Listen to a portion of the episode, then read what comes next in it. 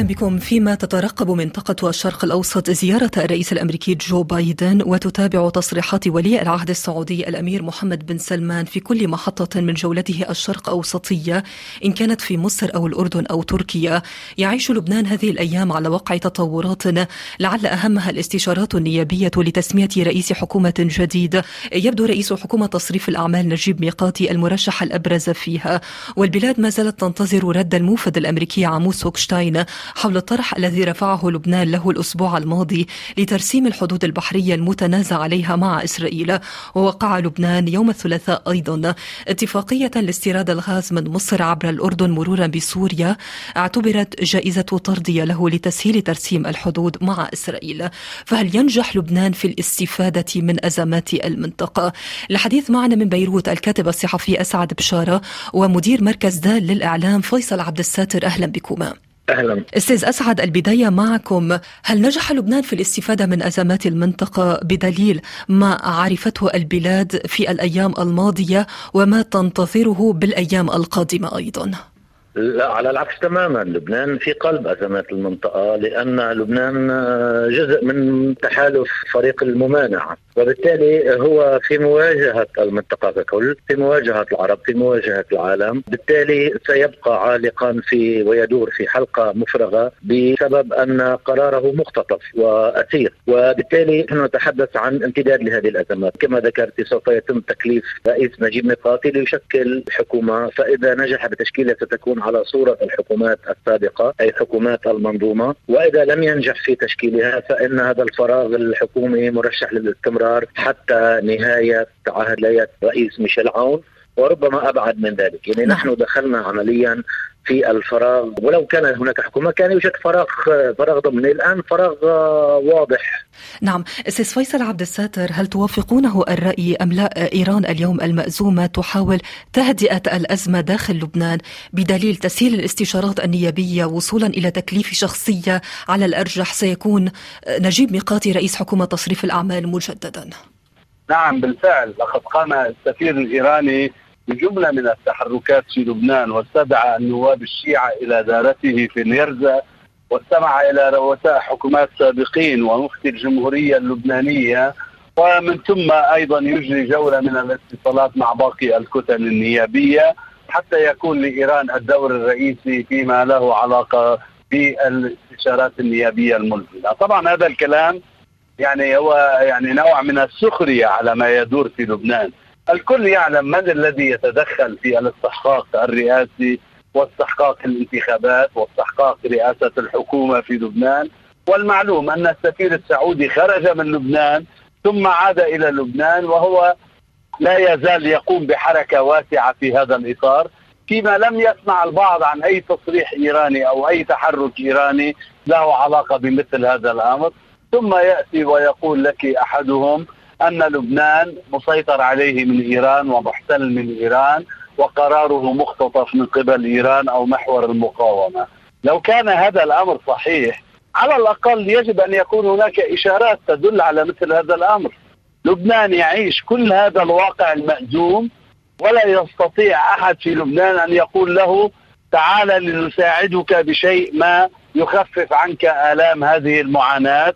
في حين يدعي البعض أن لبنان يجب أن يكون على علاقة مع الخليج، مع الحضن العربي، مع الأمريكيين، مع الأوروبيين وكأن أحدا يمنع هؤلاء من أن يكون لبنان معهم نعم. ما لبنان بالأصل معهم ولم يتغير لكن المشكلة في أننا لا نريد أن نرى حقيقة المشكلة في لبنان فنهرب ونقول أن حزب الله وإيران هما المسؤولان عن هذا الوضع. أستاذ أسعد بشارة هذه مقاربة قدمها أستاذ فيصل عبد الساتر من بيروت. ما قد يدعمها أن السفير السعودي جال بالايام الماضية على أكثر من مرجعية دينية وسياسية في لبنان. تستبق استشارات نيابية تيار المستقبل. القوى السنية الكبرى المقربة من السعودية قاطعت الانتخابات التشريعية أي لا كتلة نيابية لتمثل بالاستشارات إلى تكليف شخصية سنية لرئاسة الحكومة الحكومة يعني موضوع السفير السعودي موضوع واضح لسه السفير حق التواصل ضمن الأطر الدبلوماسية وقد يبدو ذلك انه نوع من التدخل وإذا كان تدخل فهو أمر مرفوض من ايا كان من السفير السعودي أو غيره. ولكن نحن نتحدث عن تركيب المنظومة في لبنان التي يسيطر عليها حزب الله باسم إيران. عندما يصوت مرة جديدة حزب الله وحركة أمل لنجيب ميقاتي لكي يشكل حكومة لهما فيها الأكثرية مع حليفهم التيار العوني. سيتم تجديد الكونترا بين الحزب وحلفائه بأن حلفائه يسرحون يمرحون في سرقة البلد فيما هو يمسك قرار البلد عبر هذه الحكومة، هذا يكون الوصاية، هكذا تكون إمساك قرار إمساك قرار البلد، لو أن السعودية مرتاحة وتعرف أن قرار لبنان في يدها لما كان هناك من حاجة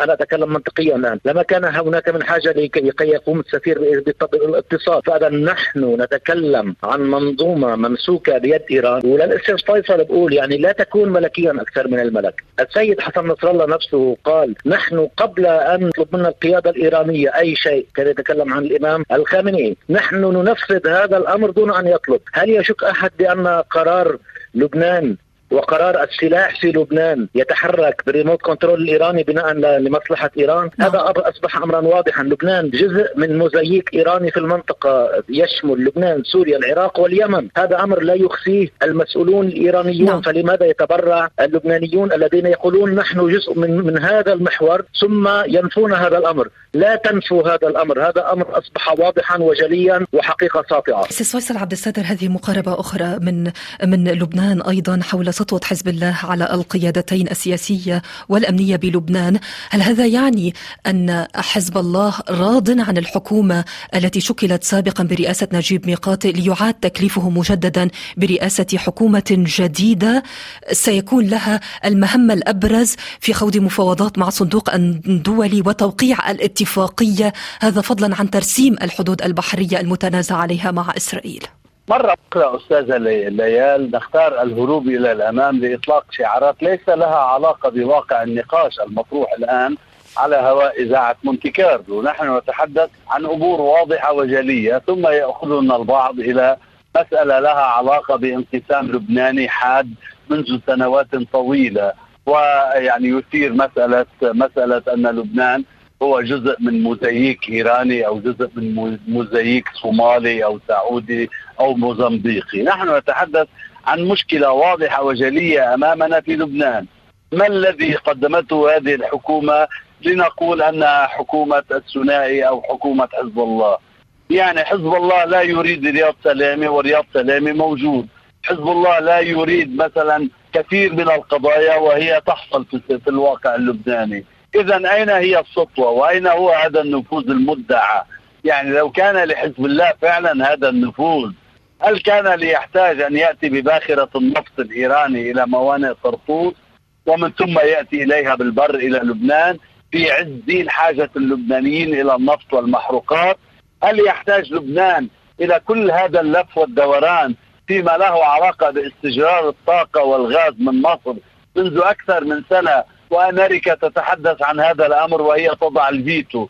أوليس كان من الأفضل للبنان أن يأتي بالعروض الإيرانية والعروض الروسية وكانت الكهرباء قد رأيناها منذ أكثر من فيصل لا ننسى طيب إن إيران مفروض عليها عقوبات دولية وإن قبل لبنان يعني أنه سيشمل بهذه العقوبات والأزمات التي تعاني منها البلاد لا تريد أن تضاف إليها أزمات جديدة اليوم من الأسرة الدولية. في روسيا عليها عقوبات الصين عليها عقوبات.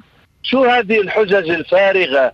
هذه حجج فارغة. اليوم العقوبات تشمل كل دول العالم جراء السياسات الأمريكية. هل نستسلم لما يريده الأمريكي؟ طيب هذا العراق. يستجر الطاقة الكهربائية من إيران. كيف يسمح للعراق؟ كيف يسمح للعراق أن يستجر الطاقة الكهربائية من إيران دون أي مشكلة؟ هو اعفي من العقوبات الدولية أستاذ نعم؟ فيصل. اعفي من العقوبات الدولية بسبب الوضع الأمني والسياسي الأزمات التي كانت تعصف ببلاد الرافدين نومها أستاذ فيصل عبد الساتر ترسيم الحدود البحرية المتنازع عليها مع إسرائيل هل ردت عليها الأسرة الدولية بجائزة طرديه بإقرار اتفاقية استيراد الغاز من مصر عبر الأردن مرورا بسوريا. ابدا ابدا. أنا أنا كنت أريد أن أشرح يعني بعض التفاصيل. أنت يعني حاولت أن يعني بشكل ما كبح جماح النقاش حتى لا يذهب إلى مكان آخر وأؤيدك في هذا الإطار. لكن علينا أيضا أن نتبصر قليلا في مثل هذا الأمر. العراق استطاع أن يأتي بسماح من الأمم المتحدة كما تقولين. فلماذا لا يكون هذا السماح للبنان؟ لماذا لا يكون السماح لسوريا؟ لماذا لا يكون السماح لأي دولة أخرى؟ إذا كان هناك من سماح نتيجة الحاجة للشعوب فهذا الأمر ينطبق على لبنان إسوة نعم. بباقي الدول الأخرى. دعنا نستمع إلى أسعد بشاره ختاما آه، في نقاش مونتي كارلو الدولية. أستاذ أسعد المرحلة القادمة هل ستكون أسوأ أم لا؟ لبنان مقبل على أيام أفضل من تلك التي عاشها بالسنوات الماضية. وفقا لتغيرات إقليمية وشرق أوسطية كبيرة تنتظر المنطقة. بداية من زيارة الرئيس الأمريكي جو بايدن. لن أتكلم بالعموميات سادخل في التفاصيل وباختصار يعني ليشرح لي كيف يمكن أن يجد يهدد حزب الله لحكومة المنظومة. بسيل بري مئاتي. كل التركيبة التي هي مسؤولة عن الانهيار تجدد لنفسها برعاية وتشجيع من حزب الله. ماذا يعني هذا الكلام؟ أليس له مقابل؟ هؤلاء يجلسون على الكراسي ويسقطون عن أنفسهم صفة المسؤولية نعم. ويعطونها للحزب في الترسيم البحري في العلاقات الخارجية في القرار حزب الله يقول في القرار المق... يسميها المقاومة باليمن أو بالعراق أو ببغداد أو بست زينب بدمشق يسميها مقاومة. وبالتالي نعم. لا يستشير أحد. هذا الكونترا بين هذين الطرفين هو كونترا مرشح للتمديد والأزمة مرشحة للتمديد أما زيارة بايدن إلى المنطقة باختصار تعكس تغييرا عميقا في سياسة إدارة بايدن تجاه المنطقة بعد اقتراب وصول المفاوضات الإيرانية الأمريكية إلى حائط مسدود. أنا أتوقع هنا أن إيران ببراغماتيتها الشهيرة سوف تتراجع في فيينا وستحاول قطع الطريق على هذه الاستدارة لإدارة بايدن باتجاه إعادة تعميق العلاقة مع دول الخليج والدول الإقليم الهامة بالنسبة لأمريكا نعم. بالتالي هي تحول كبير ماذا تردداته ونتائجه على لبنان لبنان أعتقد وضعه لن يتغير سيبقى في السجن. شكرا جزيلا لكما فيصل عبد الساتر مدير مركز دال للإعلام، أسعد بشارة الكاتب الصحفي، شكرا لكما كنتما معنا من بيروت. شكرا, شكرا. إلى اللقاء.